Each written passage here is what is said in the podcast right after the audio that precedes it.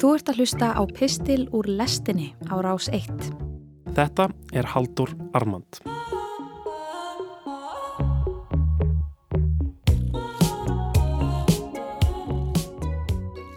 Ég gekk fram hjá borgarleikusinu í gerðkvöld, sá þar vegspjaldir stóra af Bubba Mortens og fór að hugsa um það hversu uppfullt lífið er af draugum, hversu oft við sjáum einungis það sem ekki sést. Því þetta er náttúrulega það eina sem aður sér núna á myndinni af Bubba Mortens, síkaretan, sem er ekki lengur á myndinni. Það eina sem sést er það sem ekki sést, það sem var fjarlægt. Það er engin síkaretta á myndinni, en samt sé ég mann reykja síkaretu. Kanski má bera aðeins meira í bakkafullan lækinum þessa mynd sem er ekki lengur hún sjálf. Hvort sem við notum alvörugefið orð eins og reytskoðun yfir þetta fíaskó eða ekki er myndin af buppa utan á borgarleikusinu ansi gott dæmi um það hversu vand með farið það er að ætla sér að reynsa listaverka af óþægindum, aukin heldur fortíðina sjálfa Kanski mætti orða þetta sem svo að fortíðin láti ekki að sér hæðast. Síkaretan sem lafði úr munviki söngaskálsins var fjarlægð eftir að síðferðisalgoritmar Facebook höfnuðu henni og leikhúsinu bárust kvartanir þess efnis að vegspjaldið væri einhvers konar kvartning til reykinga. Í fyrsta lagi er merkilegt að hugsa til þess að Facebook stjórnir því núna hvers konar vegspjöld fá að hanga utan á íslensku leikhúsi. Það er eitt að fyrirtæki eins og Facebook sé með einhvers konar innri siðferðis viðmið og reglur um það hvers konar efni má byrtast á síðunni en annað að listræn tjáning í kjötheimum ef svo má að orði komast í allt annari lögssögu en þar sem fyrirtækið er staðsett sé háð því hvað algoritmar fyrirtækisins telja boðlegt og hvað ekki. Það kannski sínir ansi vel að það er ekki jafn mikill munur á henni stafrænu veröld og henni raunverulegu eins og stundum er látið. Fyrir árið síðan flutti ég hér pistil sem nefndist Lækið og þér munið finnast og fjallaði um áhrif læktakans. Þar sagði meðal annars Á mínum myrkustu augnablikum grunar mig að þessi takki, þessi stafrænu reyfilögmál sem snúast um að skapa auð fyrir ríkasta fólki heimi, tröll ríði næstum öllu, stýri því eiginlega hvernig allt er tjáð, hugsað og sett fram og sé um leið að tortíma frjálsri hugsun, tjáningu og sköpun. Allt saman vitaskuld undir þeim fölsku formerkjum að vera að ebla þessa sömu hugsun, tjáningu og sköpun og sakfræðingar framtíðar muni klóra sér í höfðinu yfir því hvernig miljardar manna sættu sig við að mannlegri tilveru í heilsinni hefði verið breytt í neysluvöru sem síðan var aftur seld fólkinu sem lifði henni.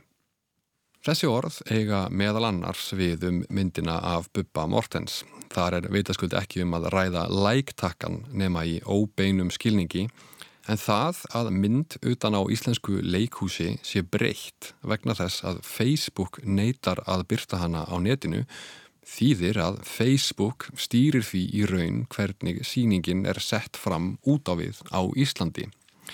Kynningarstarfið fer fram á forsendum Facebook, ekki leikhúsins, hvað þá listarinnar. Það er auðvelt að gaggrína borgarleikusið fyrir að taka svo afdráttarlausa afstöðu gegn sínu eigin sköpunarverki, svo að segja, en ég held að sannleikurinn sé sá að list og þau umfjöllunarefni sem hún beinist að fari mjög oft fram á forsendum læktakans og þar með stórfyrirtækja. Það er bara ekki ja, alltaf jafn augljóst og í tilviki borgarleikusins hér. Þá er stóra síkaretu kvarfið utan á borgarleikusinu líka óneitanlega dæmi um það hversu upplugt stjórntæki líðheilsa er orðin. Ég er ekki mjög vel lesin í kenningum franska hinsbyggingsins Michel Foucault en hann setti á 8. áratögnum fram hugtækið lífvald eins og það er kallað á íslensku. Lífvaldið er svo margþætta og oft fingerðatækni sem yfirvald beitir til þess að stýra fólki í stórum hópum. Foucault greindi umskiptin sem áttur sér stað millir 17. og 19. aldar þar sem eðli yfirvalds í vestrænum samfélögum hætti að grundvallast á yfirráðum yfir lífi og dauða þegnana og fór að snúast frekar um það hvernig lífinu sjálfu er lifað. Maður getur ímynda sér kóng sem gat líflátið anstæðinga sína að vild og svo yfirvald dagsins í dag sem getur ekki stýrt eftir eigin hendisemi hvort fólk fær að lifa eða ekki en reynir að hafa þeim mun meiri völd yfir því hvernig lífið sjálft fer fram. Meðal annars gegnum það sem heimsbyggingurinn kallaði ugunar stopnanir. Lífvaldir snýst bókstaflega um það að ná völdum yfir líkama fólks. Það fer fram gegnum margar og fjölbreyttar leiðir til þess að hafa taumhald á líkamannum og stýra þjóðanum.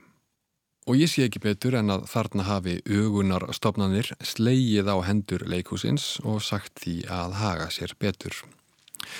Á hinbógin er ekkert nýtt að yfirvald vilji stjórna listamönnum og aga þá sjálfur Plató sem átti í einhvers konar ástar-atur sambandi við list leitt svo á að list væri afar mótandi fyrir personuleika fólks og hana þyrti því að rítskoða vandlega.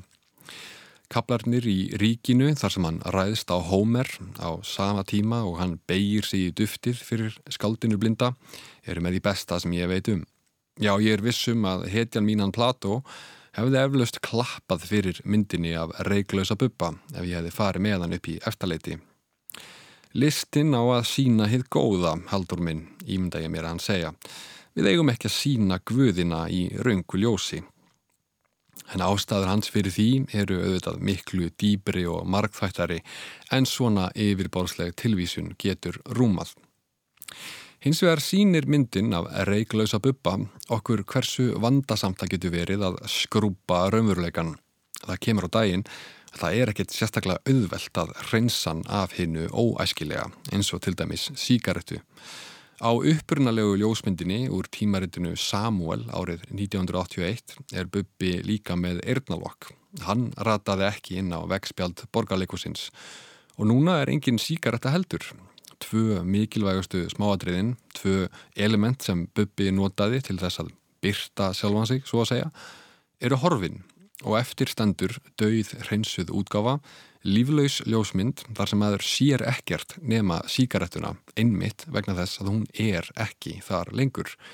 Það sem einu sinni var geggjumynd er núna í bestafalli mjög skrítinmynd.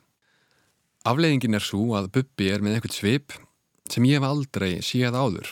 Hann er ekki á svipin eins og maður sem er ekki að reykja, hann er á svipin eins og maður sem er með eitthvað ósýnilegt upp í sér. Einu sinni var ég á leiðinu á síningu um þennan epíska og viðfræga töffara þarna utan á borgarleikusinu. En núna er ég á leiðinu á síningu um sifjulegan mann sem er með eitthvað ósýnilegt upp í sér. Leksian er þessi. Listaverk er heild, sannleikurinn er í heildinni. Þegar óhreinindi veruleikans eru strókuð út eða reytskoðuð, stendur ekki eftir hreitn veruleiki, heldur bjagaður og brotin. Óhreinindin eru órjúvanlegur hluti af heiminum og gera hana því sem hann er. Þess vegna sjá það allir að það er eitthvað mjög bóið við buppa vegspjaldið. Myndin er af manni að reykja. Það er innsta eðli myndarinnar, svo að segja. Og þótt síkarettan sé fjarlægð, þá er Bubbi samt ennþá að reykja. Síkarettan er ekki það sem raunverulega gerir ljósmyndina að reykingamind. Ljósmyndin er heild, sannleikur hennar er í heildinni og hún er af manni að reykja. Allt fas Bubba á henni er í takt við það. Svipriðin, augun, munvíkin, lífstillin, lífsviðhorfið. Síkaretan er kórona ákveðinar áru sem öll myndin byrtir. Ég hef samúð með borgarleikusinu hér. Það getur ekki verið skemmtilegt að fá siðferðis forrið alþjóðlegs eftirlits fyrirtækis og íslenskar ugunar stopnarnir upp á móti sér þegar maður er bara að reyna að setja upp vennilega leiksýningu. Að fjarlæga síkaretuna var öruglega ódýrasta og þægilegasta lausnin á þessu máli.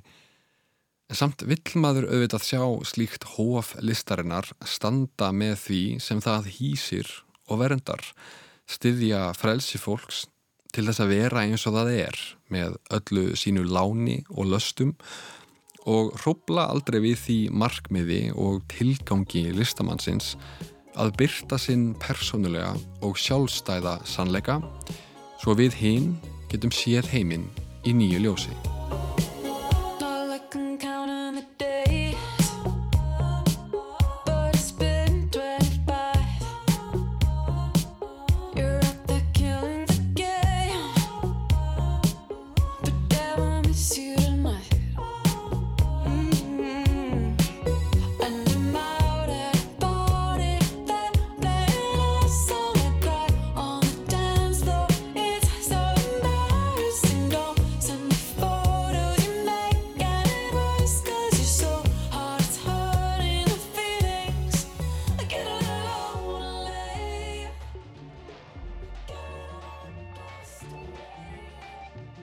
Þú varst að hlusta á Haldur Armand, nýr pistill frá Halduri, hljómar á hverjum þriðu degim í lestinni á rás 1. Ef þú fílaðir þennan pistil og vilt heyra meira, getur gerst áskrifandi að lestinni hér í hlaðvarpsappinu þínu. Rás 1 fyrir forveitna.